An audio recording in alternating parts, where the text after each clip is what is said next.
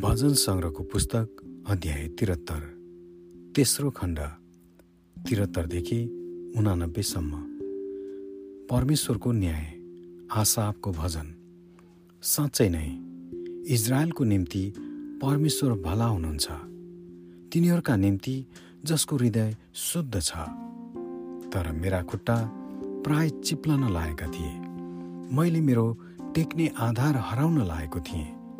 किनकि दुष्टहरूको उन्नति देखेर ती अहङ्कारीहरूको म डाह गर्दथेँ। तिनीहरूलाई कठिनाइ छैन। तिनीहरूका शरीर स्वस्थ र बलिया छन्। अरू मानिसहरू झैँ तिनीहरू कष्टमा हुँदैनन्। तिनीहरूका माथि मानव खराबी आइलाग्दैनन्।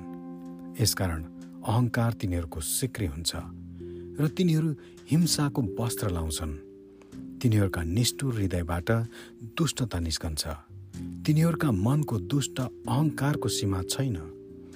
तिनीहरू ठट्टा गर्छन् अनि डाहाका कुरा गर्छन् र आफ्नो अहङ्कारमा अत्याचार गर्ने धम्की दिन्छन्। तिनीहरूका मुखले स्वर्गकै दावी गर्छन् र तिनीहरूका जिब्रोले पृथ्वीलाई अधिकार गर्छन्।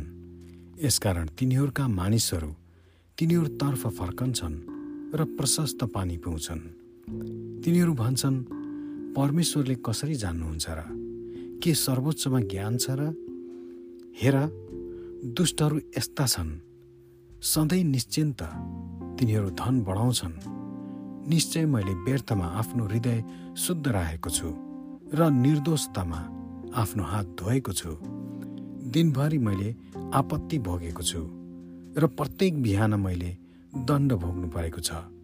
यदि म यसै भन्ने छु भनी मैले भनेको भए त मैले तपाईँका सन्तानलाई विश्वासघात गर्ने थिएँ।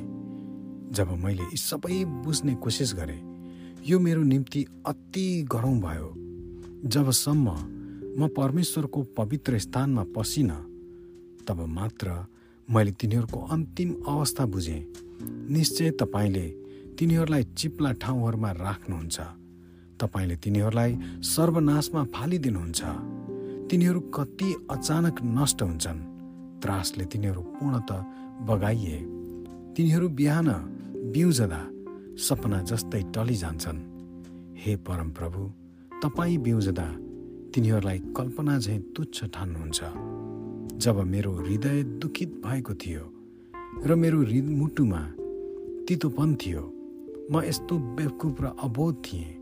तपाईँको सामु म पशुतुल्य थिएँ। तैपनि म निरन्तर तपाईँसँगै छु।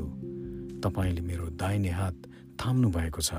आफ्नै सल्लाहमा तपाईँले मलाई डोर्याउनुहुन्छ र म पछि मलाई मै महिनामा लानुहुनेछ।